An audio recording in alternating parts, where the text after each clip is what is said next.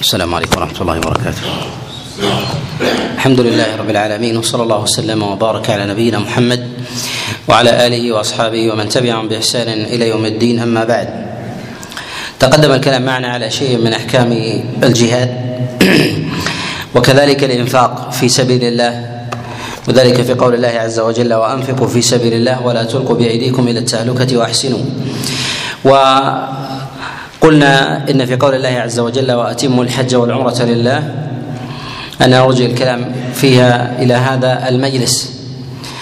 إن مناسبة إيراد هذه الآية في قول الله عز وجل وأتموا الحج والعمرة لله بعد أن ذكر الله عز وجل الجهاد وأحكامه وذكر الله عز وجل أيضا ما يجب فيه من الإنفاق في سبيل الله. وحذر الله عز وجل أيضا ضمنا من قطيعه من قطيعة المجاهدين بالمال.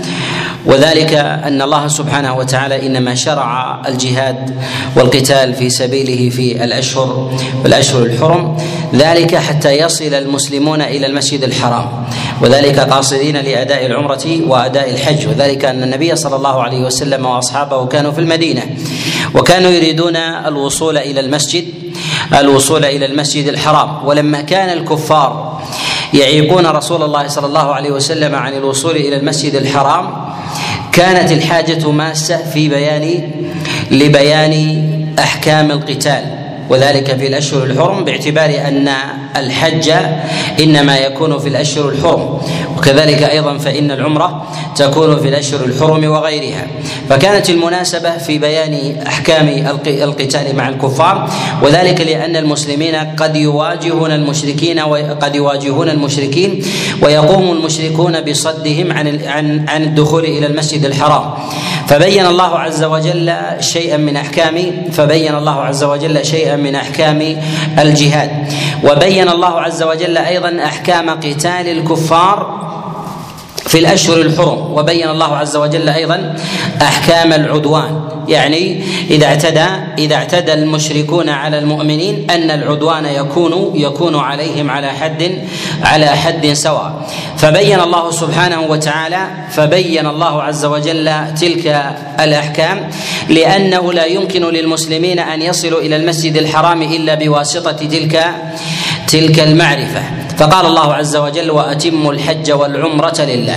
يعني بعد أن اتضحت هذه الأحكام في مواجهة المشركين والعوائق التي التي تكون بينكم وبين المسجد الحرام مما يفعله ويختلقه المشركون فإن ذلك فإن ذلك مهما لبيان لبيان أحكام الحج. فقال الله عز وجل وأتموا الحج والعمرة لله. الإتمام هنا المراد به وضد الإنقاص والمراد بالاتمام في كلام بعض المفسرين من السلف هو الإقامة يعني أقيموا الحج والعمرة لله. وهذا جاء عن عبد الله بن مسعود عليه رضوان الله كما رواه ابن جرير الطبري وابن أبي حاتم من حديث إبراهيم عن علقمة أنه قال في قراءة عبد الله بن مسعود وأتموا الحج والعمرة لله قال وأقيموا الحج والعمرة لله نحو البيت. يعني أنكم أدوها إلى إلى هذا. يقول إبراهيم النخعي فسألت سعيد بن جبير عن هذا فقال هذا هو قول عبد الله بن عباس. يعني أن المعنى في قول الله عز وجل وأتموا الحج والعمرة لله يعني أقيموها أقيموها نحو البيت. وحمل بعض العلماء الأمر في قوله جل وعلا وأتموا الحج والعمرة لله على أن المراد بذلك أن يقوم الإنسان بإتمامها بعد الدخول فيها أنه لا يجوز له أن يرجع عن إحرامه أن يرجع عن إحرامه. وهذا وهذا وإن كان محل اتفاق عند العلماء على أن الإنسان إذا دخل في النسك أنه يحرم عليه أن يدعه حتى يتم يتم الانساك وهذا قد جاء عن جماعة من المفسرين. روي هذا أيضا عن عبد الله بن عباس وكذلك جاء عن علي بن أبي طالب عليه رضوان الله وقال به قتادة وغيرهم من المفسرين. وعلى هذا نقول إن قول الله عز وجل هو من الفاظ العموم. واتموا الحج والعمرة لله يحمل على على عدة أوجه. ولكن في هذه الآية فيما يستدل به بعض العلماء أن هذه الآية دليل على وجوب العمرة. فالله عز وجل يقول واتموا الحج والعمرة لله. أتم الحج والعمرة لله. هل يستدل بهذه الآية على وجوب وجوب العمرة كما أوجب الله الحج؟ نقول هناك من استدل بهذا. هناك من استدل بهذا. وهذا مروي عن عبد الله بن عباس. ولهذا يقول عبد الله بن عباس عليه رضوان الله والله إنها لقرينتها إنها لقر إنها لقرينة الحج في كتاب الله. يعني أن العمرة قرينة للحج واختلف العلماء عليهم رحمة الله في وجوب في وجوب العمرة على قولين. ذهب جمهور العلماء وهو قول عامة السلف إلى أن العمرة إلى أن العمرة واجبة وهذا صح عن عبد الله بن عمر. وعن عبد الله بن عباس وجابر وزيد بن ثابت وغيرهم. ويظهر أنه لا يعرف خلاف عن الصحابة عليهم رضوان الله في هذا. وقد جاء عن أيوب وقد جاء عن محمد بن سيرين أنه قال لا أعلمهم يختلفون أن العمرة واجبة. ومحمد بن سيرين قد أدرك جماعة من أصحاب رسول الله صلى الله عليه وسلم. وهذا الذي ذهب إليه الجمهور هو هو الأرجح وهو قول الإمام أحمد رحمه الله وذهب إليه الإمام الشافعي وداود وغيرهم من الأئمة. وذهب بعض العلماء إلى أن العمرة إلى أن العمرة ليست بواجبة. إلى أن العمرة ليست بواجبة وأن هذه الآية في الاتمام أي أن الإنسان إذا شرع في الدخول في نسك العمرة فإنه يجب عليه أن يتمها. فإنه يجب عليه أن يتمها. وإذا قطعها فإنه آثم. وأما ابتداء فإنها لا تجب عليه. وهذا ذهب إلى وهذا ذهب إليه جماعة من الفقهاء من أهل من أهل الرأي من أهل الكوفة وغيرهم. والمترجح في هذا هو القول بالوجوب. وذلك أن السلف الصالح من الصحابة لا يعلم عنهم الخلاف في هذا. ولهذا قد جاء عند جاء عند البيهقي وغيره من حديث نافع عن عبد الله بن عمر قال ما من أحد إلا وعليه عمرة وحجة واجبة. في العمر في العمر مرة. وروي نحو هذا عن جابر بن عبد الله وكذلك أيضا عن زيد بن ثابت ولا يعرف له مخالف من أصحاب رسول الله صلى الله عليه وسلم. وهذا ما مال إليه بعض بعض المحدثين كالإمام البخاري رحمه الله. فقد نص على وجوب العمرة في كتابه الصحيح. فقال أبواب وجوب وجوب العمرة. يعني أنه يميل إلى يميل إلى القول بوجوبها ويكون وجوبها على في العمر مرة وهذا مما لا خلاف فيه أيضا عند العلماء وإنما يختلفون في الزمن الذي يستحب للإنسان ان أن يتابع فيه بين الحج والعمرة.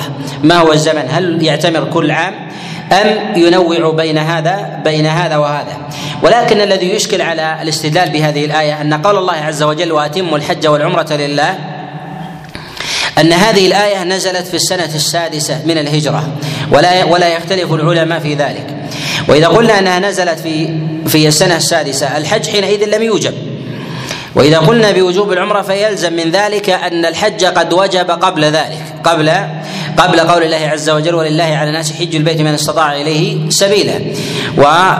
والعلماء يقولون إن الحج لم يفرض إلا إلا بعد ذلك ويتفقون على هذا ويتفقون على هذا. فلو قلنا إن هذه الآية فيها دلالة على وجوب العمرة فمن باب أولى أن يكون ذلك في الحج. فمن باب أولى أن يكون ذلك في الحج لأن الحج قدم على العمرة في هذه الآية في قول الله عز وجل وأتموا الحج والعمرة لله. فإذا لم يجب الحج بهذه الآية فمن باب أولى أن العمرة لا تجب. ولكن نقول إن الله عز وجل حينما قارن العمرة بالحج وأوجب الله عز وجل الحج بعد ذلك ثم اتفق السلف الصالح عليهم رحمة الله من الصحابة والتابعين على وجوب العمرة على وجوب على وجوب العمرة. كان ذلك من مواضع الإحكام ذلك من مواضع الإحكام الذي استدل به السلف الصالح على على الاشتراك في الأحكام من جهة الوجوب بين الحج بين الحج والعمرة. ومن العلماء من حمل قول الله عز وجل وأتموا الحج والعمرة لله على أن المراد بذلك هو الإحرام بكل واحدة منهما على سبيل الاستقلال. أي أنه يجعل العمرة بسفر والحج بسفر بسفر مستقل. وذهب إلى هذا جماعة كعلي بن أبي طالب عليه رضوان الله وكذلك أيضا روي عن عمر بن الخطاب. فقد روى ابن جرير الطبري وكذلك البيهقي وكذلك أيضا الدار قطني من حديث شعبة عن عمرو بن مرة عن عبد الله بن سلمة عن, عن علي بن أبي طالب أنه قال في قول الله عز وجل وأتموا الحج والعمرة لله قال أن تحرم بها من دويرة أهلك يعني أن تأتي بالعمرة من بيتك مستقلا ثم تأتي بالحج مستقلا منشئا لذلك. وليس المراد بذلك أن الإنسان يحرم من بيته ولو كان قبل قبل المواقيت. ولكن المراد بقول علي بن أبي طالب وأتم الحج والعمرة لله أن تحرم بها من دويرة أهلك أي أن تكون قاصدا بسفر مستقل إلى إلى المسجد الحرام لأجل العمرة لأجل العمرة. ثم تاتي ثم تأتي أيضا بالحج على هذا. ولهذا نقول إن ظاهر أقوال السلف وكذلك وكذلك العمل عندهم أن الأفضل أن يأتي الإنسان بعمره بعمرة منفردة منفصلة عن سفرة الحج. وأن الإفراد بين وأن الإفراد في الحج مع عمرة سابقة له أفضل من التمتع بلا بلا عمرة. وهذا وهذا الذي ذهب إليه جماعة من الأئمة وحكي اتفاق الأئمة الأربعة على هذا وحكى اتفاقهم غير واحد من العلماء كابن تيمية رحمه الله أي أن الإنسان إذا أراد أن يفاضل بين المنا... بين الانساك بين التمتع والقران والإفراد أن نقول إن الإفراد أفضل في أحوال وهي الحالة التي ينفرد بها الإنسان بالإتيان بالنسك فإذا جاء بها كانت هذه الحال أفضل. وأما ما كان بعد ذلك إذا كان الإنسان ليس له إلا مرة واحدة الإتيان بمرة واحدة نقول الأفضل في ذلك التمتع. الأفضل في هذا التمتع إلا إذا ساق الإنسان الهدي فإنه إذا ساق الهدي فإن الأفضل له أن يكون أن يكون قارنا. وذلك لفعل رسول الله صلى الله عليه وسلم فإنه بقي على ما كان بقي على ما كان على ما كان عليه. وفي هذا أيضا في قول الله عز وجل واتموا الحج والعمرة لله على من حمل هذا القول على الإتيان بسفرة مستقلة. حمل بعض العلماء هذا المعنى أن الأفضل في العمرة أن تكون في غير أشهر الحج. أن العمرة تكون في غير أشهر الحج. وذلك لأنه يفردها بسفر. يفردها بسفر. وبعض السلف يجعل العمرة التي تكون في الحج غير تامة. لا يسمونها عمرة عمرة تامة إذا كانت في أشهر الحج. وهذا قد جاء عن قتادة وكذلك جاء عن القاسم بن محمد وغيرهم أنه قال قال أنه قال لا يسمون العمرة في أشهر الحج تامة حتى تكون في في غيرها. يعني ينشئها بسفر بسفر مستقل. وهذا له وجاهته على ما تقدم وهو وهو محل اتفاق وهو محل اتفاق الأئمة الأربعة ومن مواضع الخطأ من يتكلم على مسألة الأنساك، الأنساك الثلاثة وهي الإفراد والقران والتمتع ثم يريد أن يفاضل بينها على الإطلاق على اختلاف الحالات. هذا من مواضع الخطأ. لا نستطيع أن نقول إن الإفراد أفضل ولا نستطيع أن نقول إن التمتع أفضل ولا أن نقول إن القران أفضل. فنقول إن القران أفضل لمن ساق الهدي. إذا ساق الإنسان الهدي فالحق فالقران في في حقه في حقه أفضل من غيره. وإذا لم يسق الهدي وليس له الاتيان إلى المسجد الحرام إلا سفرة واحدة فالتمتع في حقه أفضل. التمتع في حقه في حقه أفضل. وقد يقول قائل إذا كان ليس ليس له إلا سفرة واحدة لماذا نقول التمتع في حقه أفضل مع إمكانه أن يأتي بالحج في هذه السفرة مفردا ثم بعد ذلك يأتي بالعمرة بعد ذلك؟ كحال عائشة عليه رضوان الله حينما كانت حينما كانت حائضا. ومنع رسول الله صلى الله عليه وسلم من الطواف بالبيت. فكانت في ذلك مفردة. ثم جاءت أو قارنة ثم جاءت بالعمرة بعد ذلك بعد ذلك. نقول العلماء يتفقون على أن من جاء بالعمرة والحج في سفر واحد ثم جاء بالحج مفردا ثم جاء بالعمرة بعد ذلك. بعد بعد قضاء مناسك الحج نقول إنه ليس بمتمتع وليس بقارن باتفاقهم. ليس بمتمتع وليس بقارن باتفاقهم.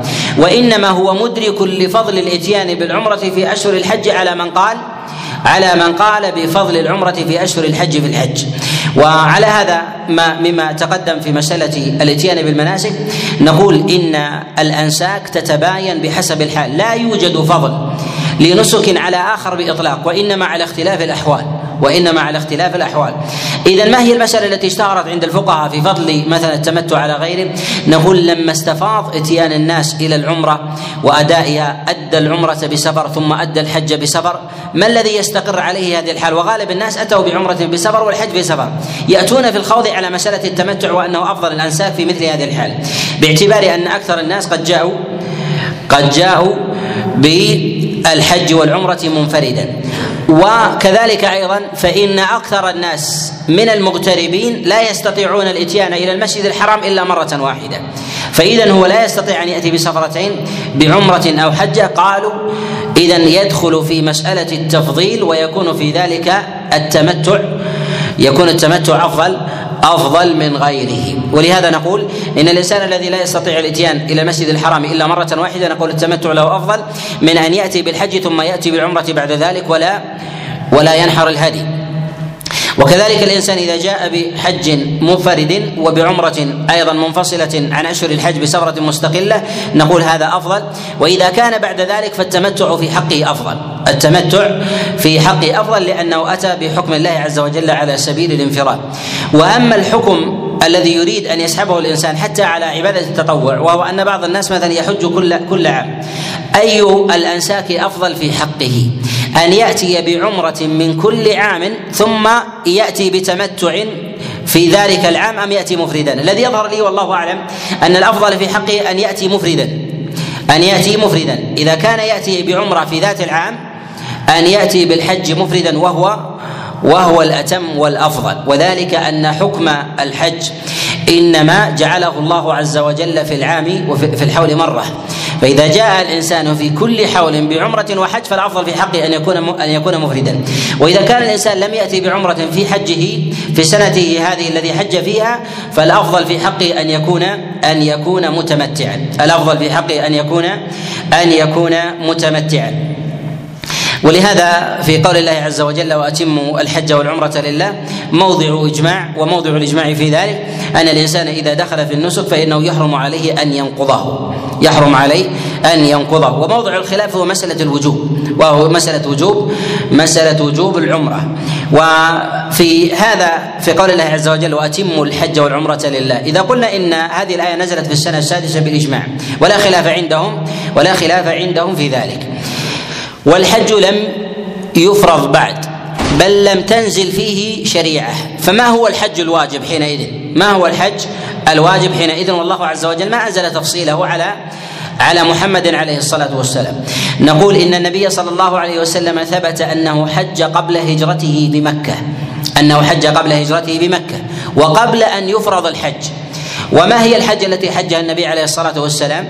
التي كانت قبل قبل هجرته إلى المدينة وهل كانت على تشريع جديد أو ما كان على الحنيفية السابقة؟ نقول إن النبي صلى الله عليه وسلم كان على علم بما كان عليه بما كانت عليه الحنيفية وكان عارفا عليه الصلاة والسلام بما أدخله المشركون من تبديل مناسك الحج من تبديل مناسك الحج. فآتى النبي عليه الصلاة والسلام بما يعلمه من بقايا الحنيفية الحنيفية السمحة فأتى النبي عليه الصلاة والسلام بالحج. ولهذا جاء في البخاري من حديث محمد بن جبير بن مطعم عن أبيه أنه قال أضللت بعيرا لي. أضللت بعيرا لي في الجاهلية يعني في جاهليتي. قال فرأيت النبي صلى الله عليه وسلم واقفا بعرفة. فرأيته فقلت إن هذا من الحمص. والحمص هم الذين هم أهل مكة من قريش وغيرهم الذين شددوا على أنفسهم وجعلوا له أحكاما لهم أحكاما تختلف عن غيرهم. فيرون أنهم لا يخرجون من حدود الحرم فيقفون فيقفون في أطراف المشعر الحرام. ولكن النبي عليه الصلاة والسلام وقف مع بقية العرب مع بقية العرب بعرفة عليه الصلاة والسلام. هذه الحجة التي حجها النبي صلى الله عليه وسلم هل حج عليه الصلاة والسلام غيرها. نقول لم يثبت في ذلك خبر. قد جاء في ذلك أن النبي عليه الصلاة والسلام حج مرة حج ثلاثا حجتين قبل أن يهاجر وحجة بعد ما هاجر. ولا يثبت أنه حج حجتين وإنما ثابت في البخاري أنه حج حجة واحدة ثم الحجة التي أوجبها الله عز وجل عليه عليه بعد بعد ذلك. وأما الأمر هنا في قوله وأتموا الحج والعمرة لله هو بيان أن الحج مشروع على هذه الأمة ولم يفرضه الله عز وجل بعد. ولم يفرضه الله عز وجل بعد. وكانت العرب تعلم الحج. ولكن ولكن أحكام الحج كانت قاصرة على العرب. منهم من بدل ومنهم من بقي. وأكثر الناس تبديلا كفار قريش. وأكثر الناس تبديلا كفار كفار قريش. والنبي صلى الله عليه وسلم كان يعلم أحكام الحج ويعلم ما أدخله كفار ويعلم ما أدخله كفار قريش على على الحج. ومن العلماء من يقول إن في قول الله عز وجل وأتموا الحج والعمرة لله أي أن الحج والعمرة يشرعان في زمن واحد على خلاف ما كان عليه أهل الجاهلية الذين يحذرون من الإتيان بالعمرة في اشهر في أشهر الحج. فكانوا يرون أن العمرة في أشهر الحج محرمة بل يرون أنها كبيرة من كبائر من كبائر الذنوب. ولهذا كانت مضر تجعل رجب موضعا للعمرة. تجعل رجب موضعا موضعا للعمرة تقصد فيه المسجد الحرام. وأما بالنسبة لأشهر الحج فيرون الاتيان الاتيان بالعمرة فيها من المحرمات ومن الكبائر. قال وفي هذه الآية دلالة اشتراك أن العمرة والحج جعلها الله عز وجل في موضع واحد ويتداخلان زمنا كما تداخل مكانا. يتداخلان زمنا كما يتداخلان مكانا وأفعالا. ولهذا النبي صلى الله عليه وسلم يقول دخلت العمرة في الحج إلى قيام الساعة. يعني دخلت من جهة الزمن ودخلت أيضا من جهة العمل ودخلت أيضا من جهة المكان فهي موضع فهي موضع فهي موضع واحد ومن أراد أن ينقض أن ينقض نسكه بعد الدخول فيه فهل يجوز له ذلك أم لا؟ نقول إذا كان الإنسان قد دخل في نسك العمرة أو الحج فإنه يحرم عليه أن ينقضه لظاهر الآية ولهذا قال الله عز وجل وأتموا الحج والعمرة لله فإن أحصرتم. فإن أحصرتم. فذكر الله عز وجل الإحصار يعني أنه لا يجوز له أن يقطع التمام الذي أمره الله به إلا بواسطة الإحصار.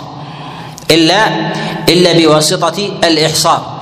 والإحصار هنا اتفق العلماء على أن الإحصار إنما هو إحصار العدو واختلفوا فيما عداه. واختلفوا فيما فيما عداه.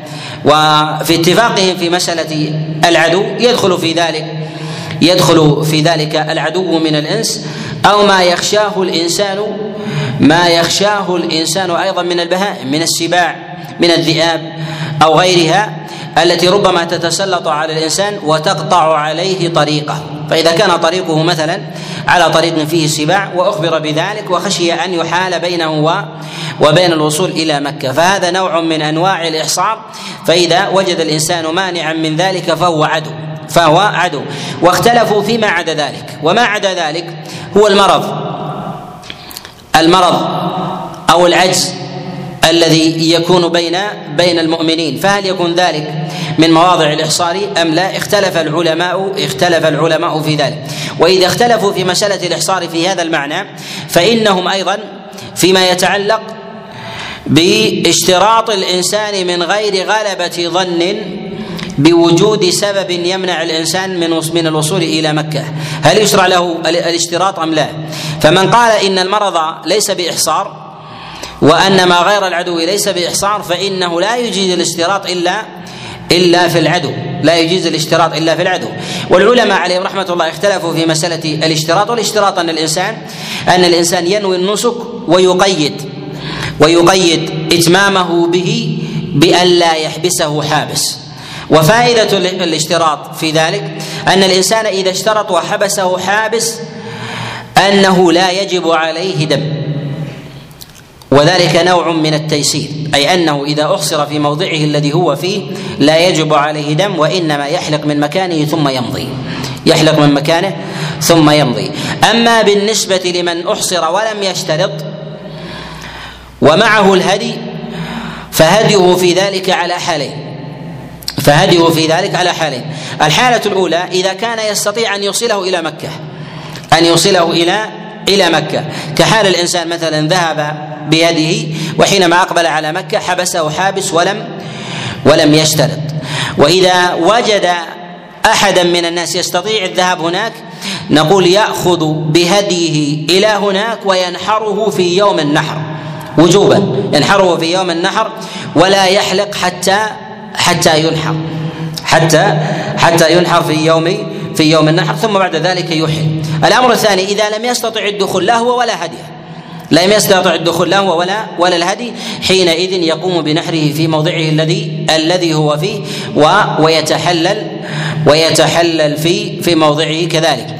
وأما بالنسبة إذا لم يكن معه الهدي ولم يستطع حينئذ أيضا أن ينحر هديه ولم يستطع أن أن ينحر أن ينحر هديه فنقول إن الله عز وجل ذكر هنا ما استيسر من الهدي في قوله فإن أحصرتم فما استيسر فما استيسر من الهدي.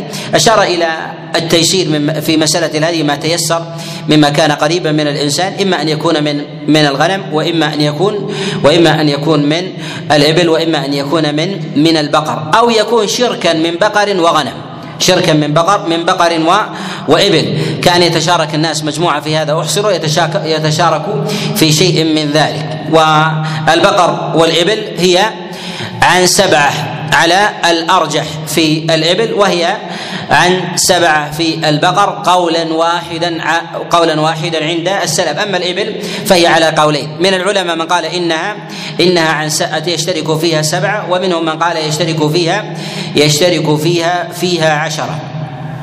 فإذا اشتركوا في ذلك وأحصروا فإنه فإنه حينئذ يحلقون يحلقون في موضعهم إذا كان ذبحهم في ذلك الموضع.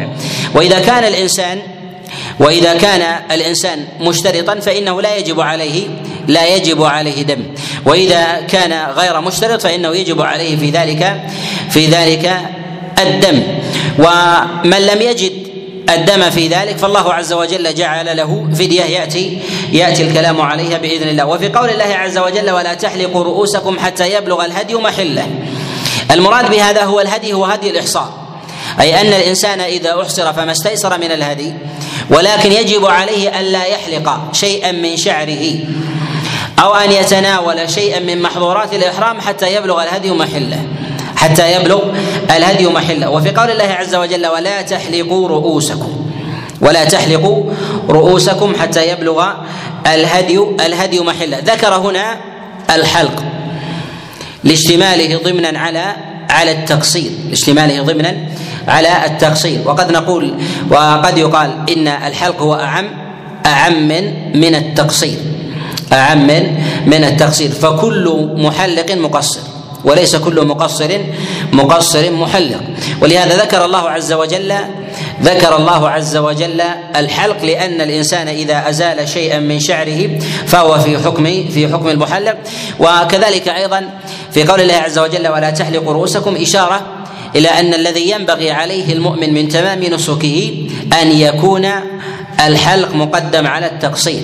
وذلك أن الله عز وجل قال وأتموا الحج والعمرة لله.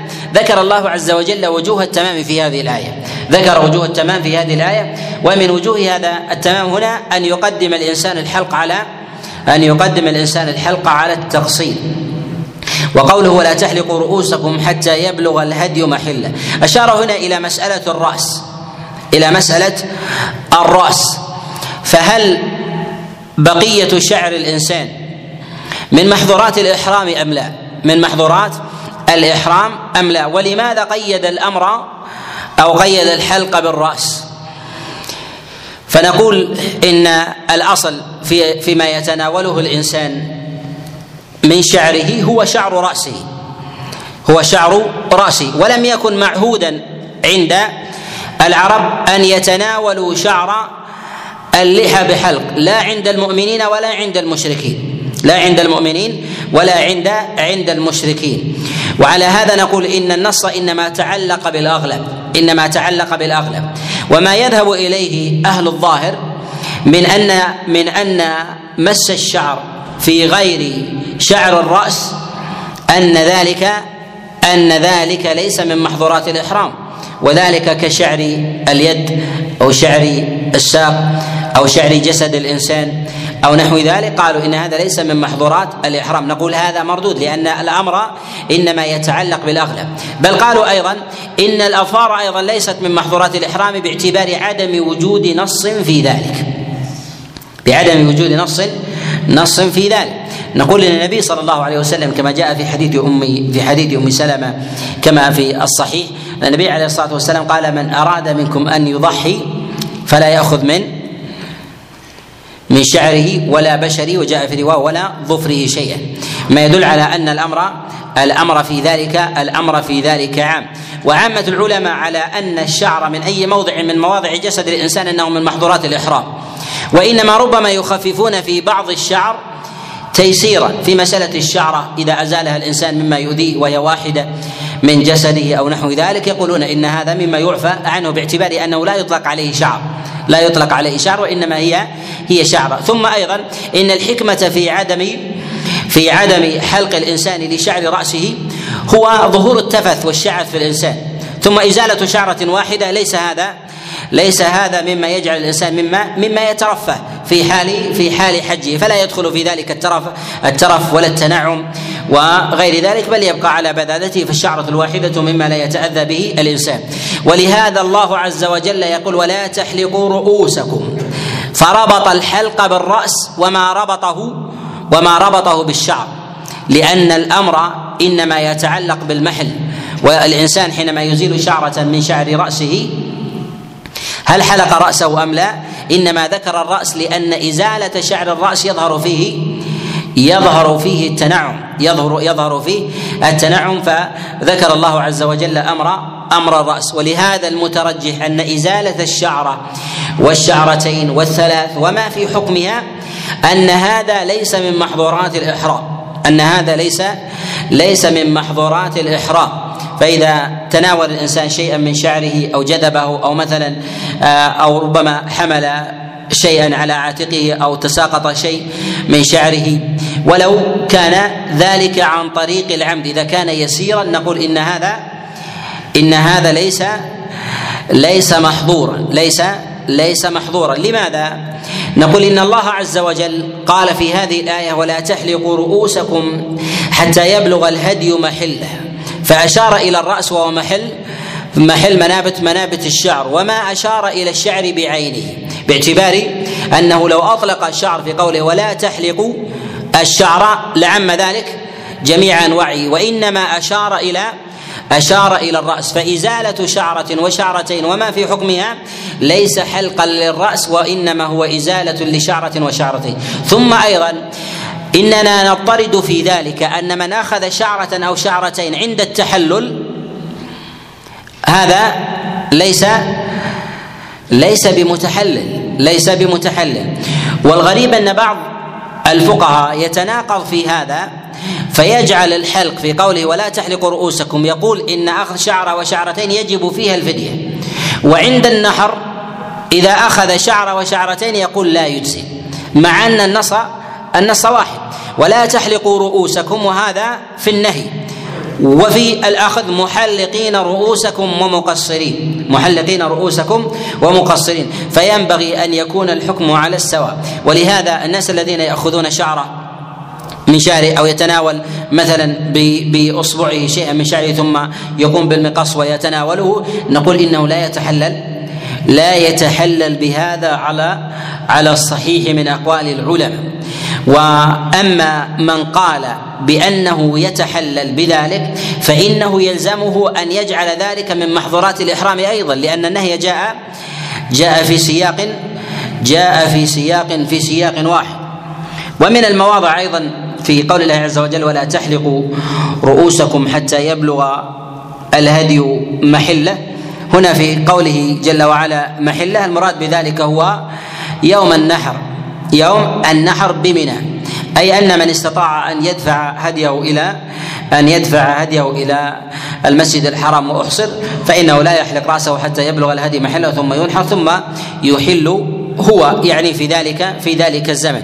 وإذا استشكل عليه هل ذبح الهدي أو لم يذبح هو يأمر الإنسان أن يذبح يوم النحر وما غلب على ظنه أنه ذبح هدي حينئذ يتحلل في ذلك ولا حرج ولا حرج عليه.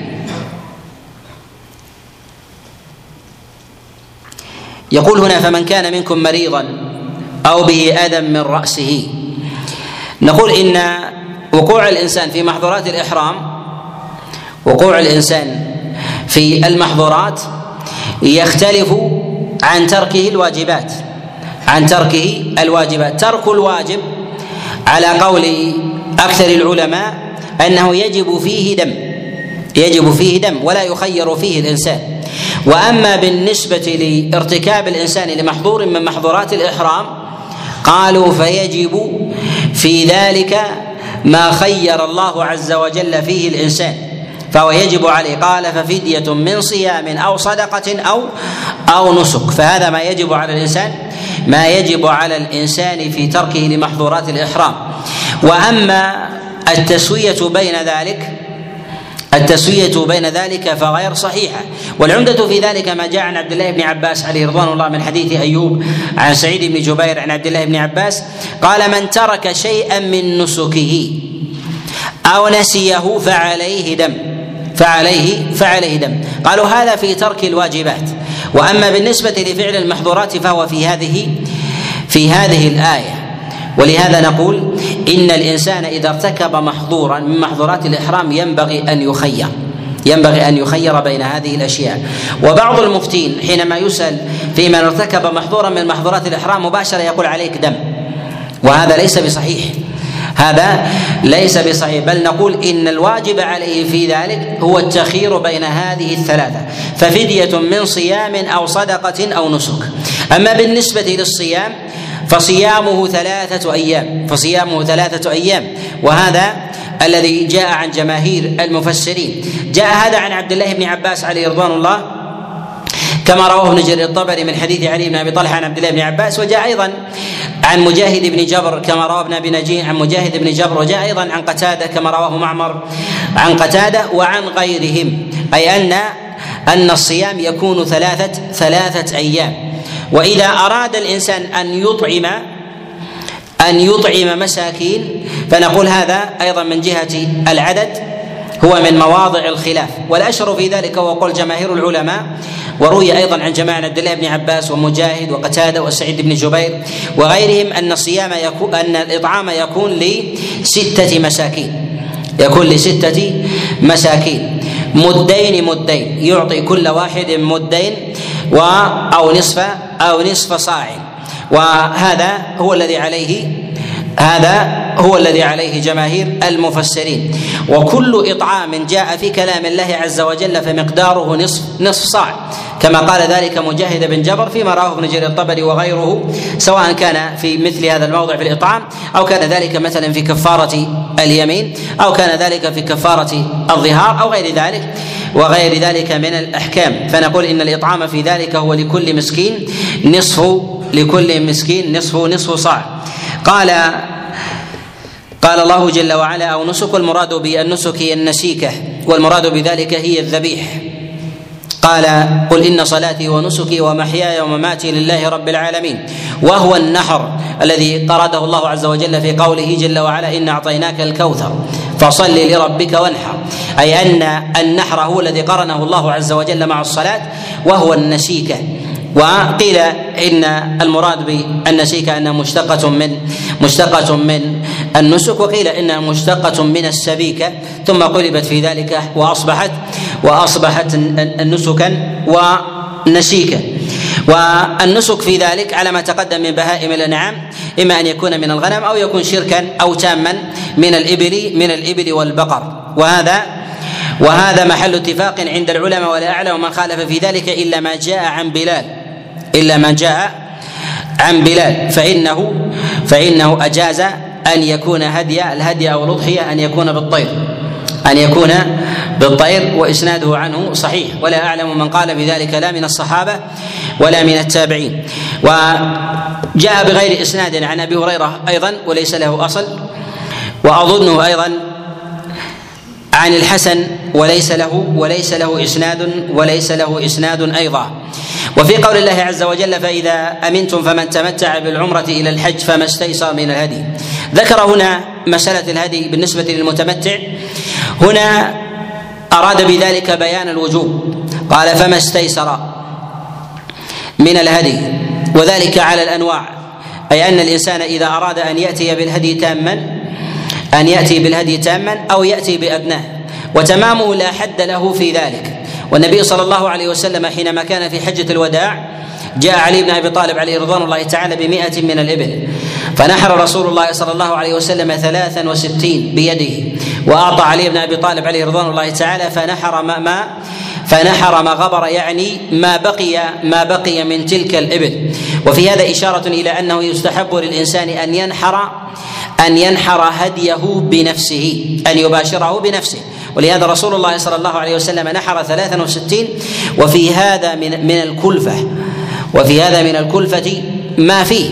فإن الإنسان حينما ينحر مثل هذا العدد إشارة إلى تقصد تقصد ذلك. ولهذا قد ذكر بعض بعض الفقهاء إنه يستحب للإنسان يستحب للإنسان أن ينحر كل عام نسيكة. كل عام نسيكة قال وذلك للنبي عليه الصلاة والسلام عمره ثلاث, ثلاث وستون. فنحر ثلاثا وستين بيده عليه الصلاة والسلام فترك الباقي لعلي بن أبي طالب عليه رضوان الله. وهذا من القرائن التي التي قال بها بعض قال بها بعض بعض الأئمة.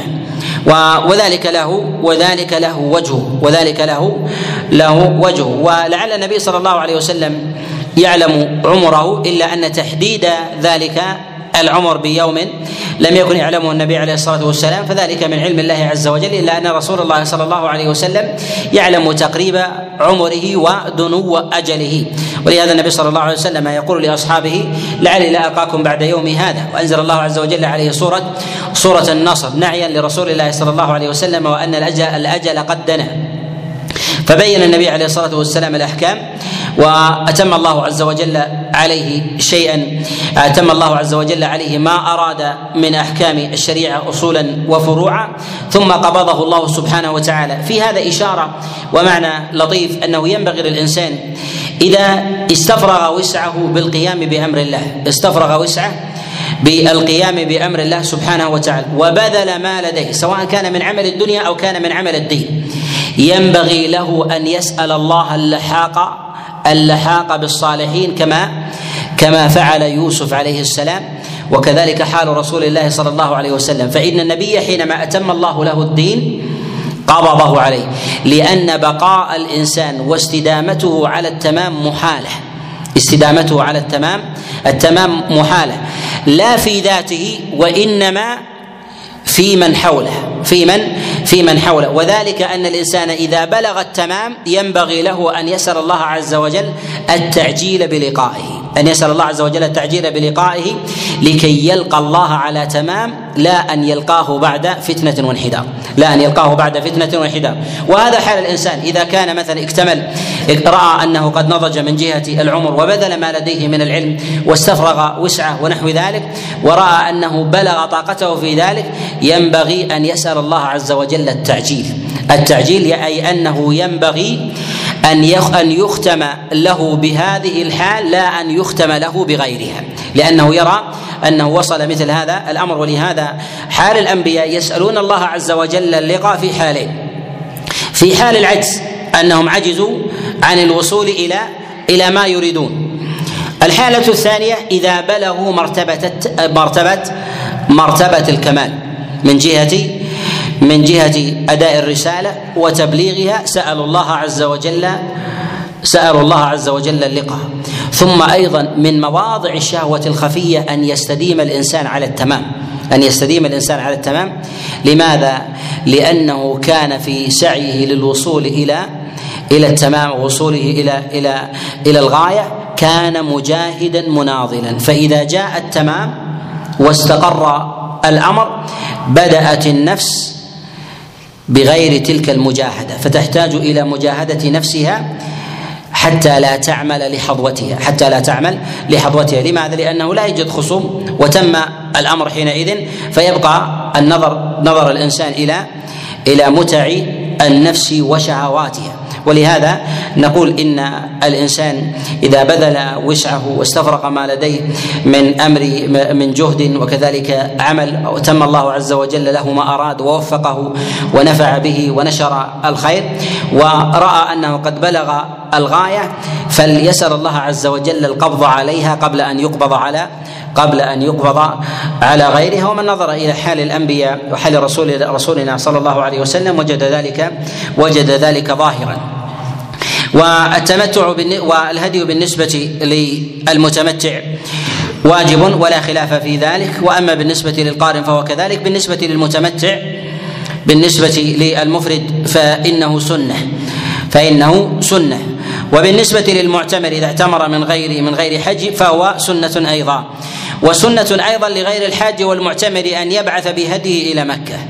أن يبعث بهدي إلى مكة ولو كان مقيما مقيما بعيدا عنها أن يبعث مع أي أحد من الحجاج كما كان رسول الله صلى الله عليه وسلم يفعل ذلك كما جاء في الصحيح من حديث عائشة عليه رضوان الله أن رسول الله صلى الله عليه وسلم كان يبعث بهديه إلى مكة ولا يمسك عما يمسك عنه عنه الحاج. قال فمن لم يجد فصيام ثلاثة أيام في الحج الصيام لمن لم يجد الهدي هو فدية تلك الفدية التي يؤديها الإنسان لعمله فإن الإنسان إذا كان متمتعا يجب عليه يجب عليه يجب عليه هديا. والهدي الذي يجب على الإنسان والهدي الذي يجب عليه يجب على الإنسان هو ما من جهة شروطه ما يجب في الأضحية. ما يجب من شروط الأضحية هو ما يجب من شروط من شروط الهدي.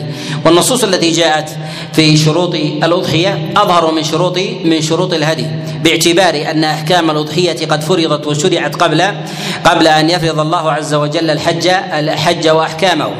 ثم ما يتعلق بهذا الصيام واجب كوجوب كوجوب الهدي على المتمتع على المتمتع والقارئ. وإذا لم وإذا لم يستطع الإنسان أن يصوم الأيام الثلاثة في الحج فيقال إنه يجب عليه أن يصوم العشرة بعد ذلك. والسنة في ذلك أن يأتي بهذه الأيام الثلاثة قبل يوم عرفة لأن الصيام في يوم عرفة لا يستحب للحاج لا يستحب للحاج. وهذا الذي عليه جماهير الصحابة. وذهب بعض العلماء إلى إلى مشروعية الصيام في عرفة في صيام يوم عرفة في عرفة. وذهب إلى هذا جماعة من السلف من الصحابة. عائشة عليه رضوان الله كما جاء في البخاري من حديث القاسم عن عائشة عليه رضوان الله أنها أنها كانت تصوم. وذهب إلى هذا أيضا جماعة من الفقهاء من أهل من أهل المدينة وجماهير العلماء على أن صيام عرفة إنما يشرع لغير الحاج. وأما بالنسبة للحاج فلا يشرع له ذلك لأنه ينبغي له أن يتفرغ أن يتفرغ للدعاء. وذلك أن الإنسان إنما يريد الصيام لينال الأجر. والأجر من جهة هذا اليوم للحاج الدعاء في ذلك والذكر أفضل. فإذا صام فإنه يفتر خاصة إذا كان إذا كان في حر شديد والإنسان يتنقل من موضع إلى موضع فإنه يفتر عن الإتيان بهذه العبادة. فدعوة يسعد بها الإنسان وينجو خير من صيام يجعل الإنسان يفتر عن الذكر والدعاء. ولهذا النبي صلى الله عليه وسلم لم يصم في هذا اليوم وكذلك عامة أصحابه ممن كان ممن كان معه ومن كان أيضا ممن كان ممن كان حاجا بعد رسول الله صلى الله عليه وسلم. لم يكونوا يصومون إلا النزر اليسير كعائشة عليها عليها رضوان الله. وذلك للانشغال بمثل هذا اليوم بالذكر والدعاء قدر وسع الإنسان وطاقته. وأما بالنسبة للدعاء في يوم عرفة فإن الإنسان يشرع له أن يدعو من بعد زوال الشمس إلى إلى غروبها. فإذا سقط قرص الشمس وتحقق من من غروبها فإنه حينئذ يدفع الانسان يدفع الإنسان من عرفة إلى إلى مزدلفة ويأتي مزيد تفصيل في هذا بإذن الله بإذن الله تعالى. وآخر هذه الأيام أن يكون في اليوم الثامن. اليوم الثامن من ذي الحجة صيام ثلاثة أيام. ولو صام يوم عرفة وتأخر فيها فنقول لا حرج عليه. جاء ذلك عن جماعة من الصحابة عليهم رضوان الله. روي هذا عن علي بن أبي طالب وعبد الله بن عمر عليه رضوان الله. قال يصوم ثلاثة أيام في الحج آخرها يوم يوم عرفة. وإذا أراد أن يصوم بعد ذلك نقول يحرم عليه أن يصوم يوم النحر بالاتفاق.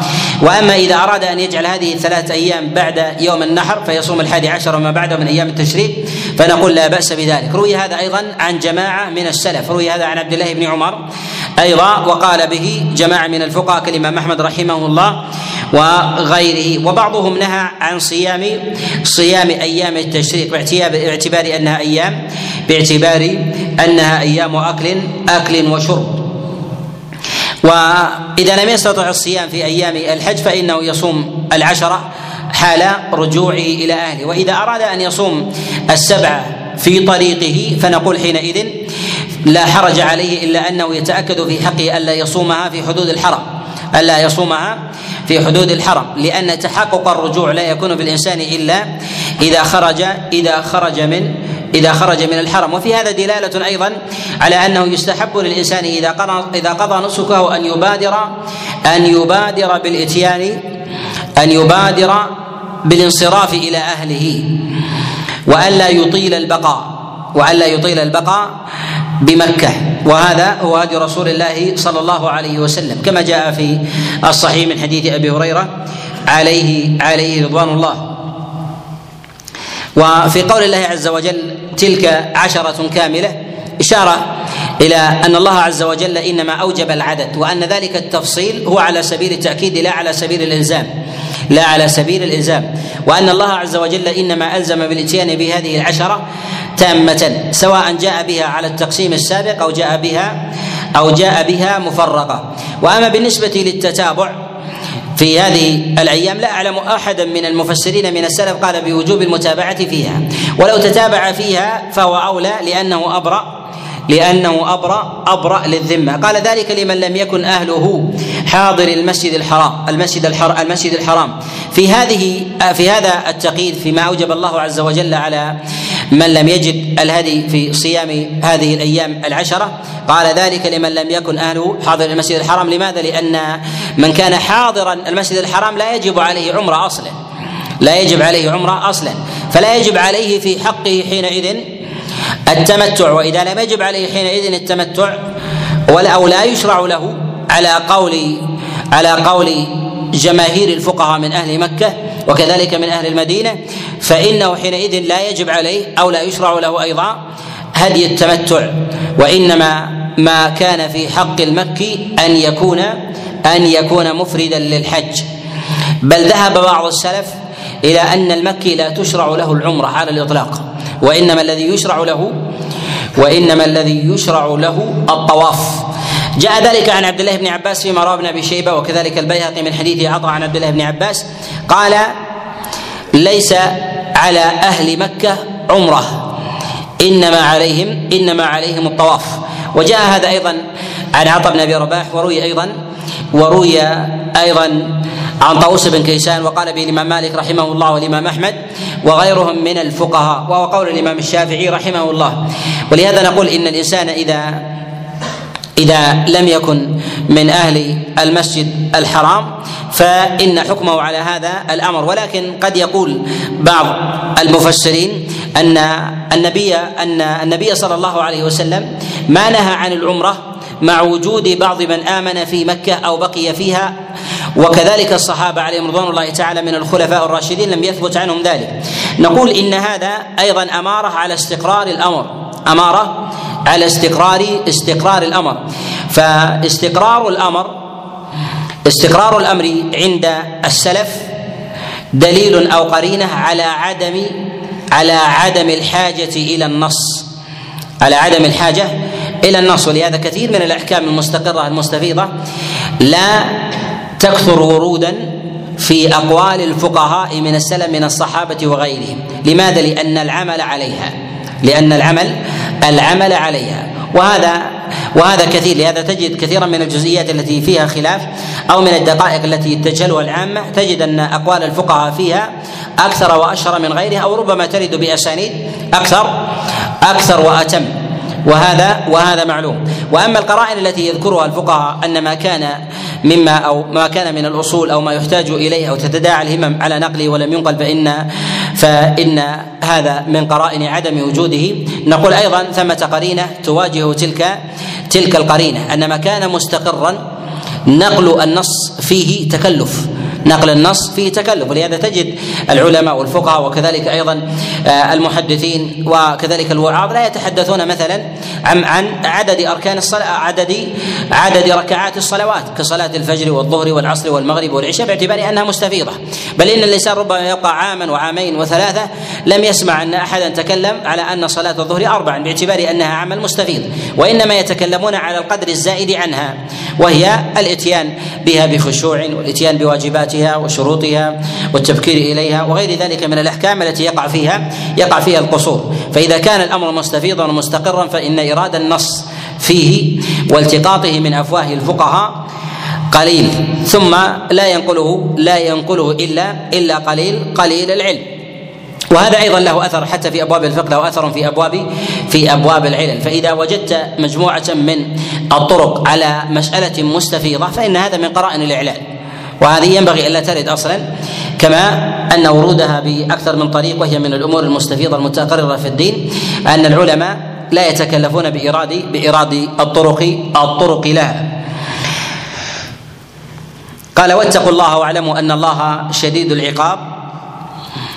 تقدم معنا أن الأمر إذا جاء في كلام الله سبحانه وتعالى ثم أعقبه بشيء من الوعيد أن الوعيد في ذلك متعلق بالتقصير بالإتيان بذلك المأمور.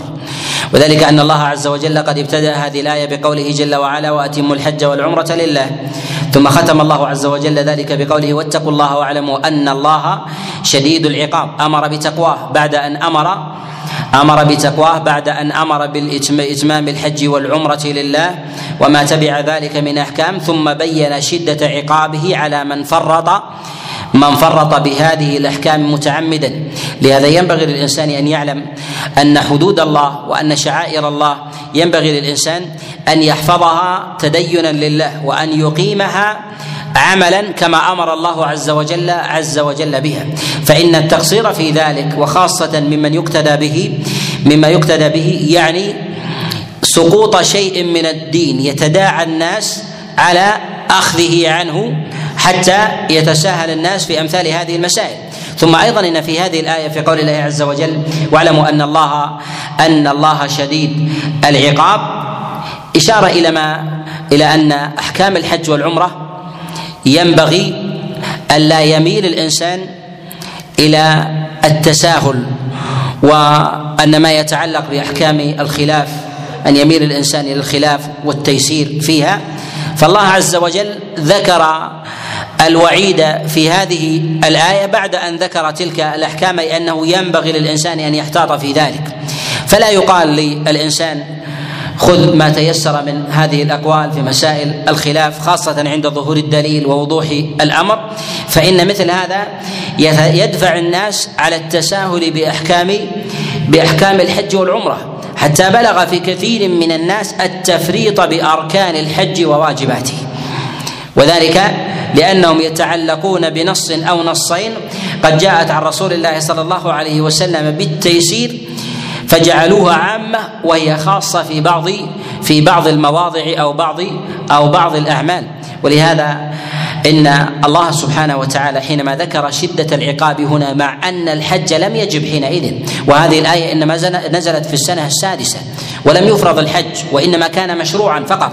ثم بين الله عز وجل شدة عقابه وأمر بتقواه إشارة إلى أنه ينبغي للإنسان أن يحتاط بهذه الأحكام ولو لم تكن واجبة. ثم كيف لو كان الحال بعد إيجاب الله عز وجل لها في قول الله عز وجل ولله على الناس حج البيت من استطاع إليه سبيلا ومن كفر فإن ينبغي فإنه ينبغي للإنسان أن ياخذ يأخذ الأمر على الامتثال والا يفرط بما أمر الله عز وجل به.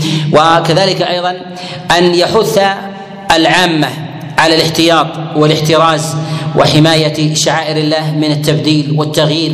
ومن نظر إلى حال رسول الله صلى الله عليه وسلم ومن نظر إلى حال رسول الله صلى الله عليه وسلم في احتياطه لهذه المناسك وتأخير الحج مع فرضه عليه وبعث وبعث رسول الله لأبي بكر وأبي هريرة وغيرهم أن يسبقوه بالحج قبل حجه بعام وأن ينادوا في وأن ينادوا عند البيت الا يطوف بعد هذا العام عريان والا يحج بعد عاد هذا العام مشرك. إشارة إلى حياطة الدين وعدم التداخل فيها.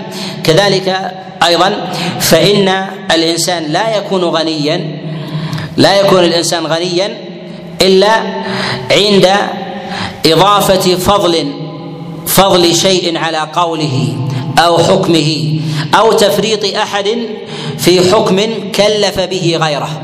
ولهذا الله عز وجل بين بعد حكمه بعد بيان حكم الحج فإن الله غني عن العالمين. يعني أن من فرط أو زاد فالله عز وجل غني غني عن الاتيان به كذلك فان الله لا يكافئ عن شيء احدثه الانسان مما افاضه على حكم الشريعه وظنه منها وهو ابتداع واحداث. وحياطه الدين اعظم من من حياطه الدنيا. أسأل الله عز وجل أن يوفقني وإياكم لمرضاته. إنه ولي ذلك والقادر عليه. وصلى الله وسلم وبارك على نبينا نبينا محمد.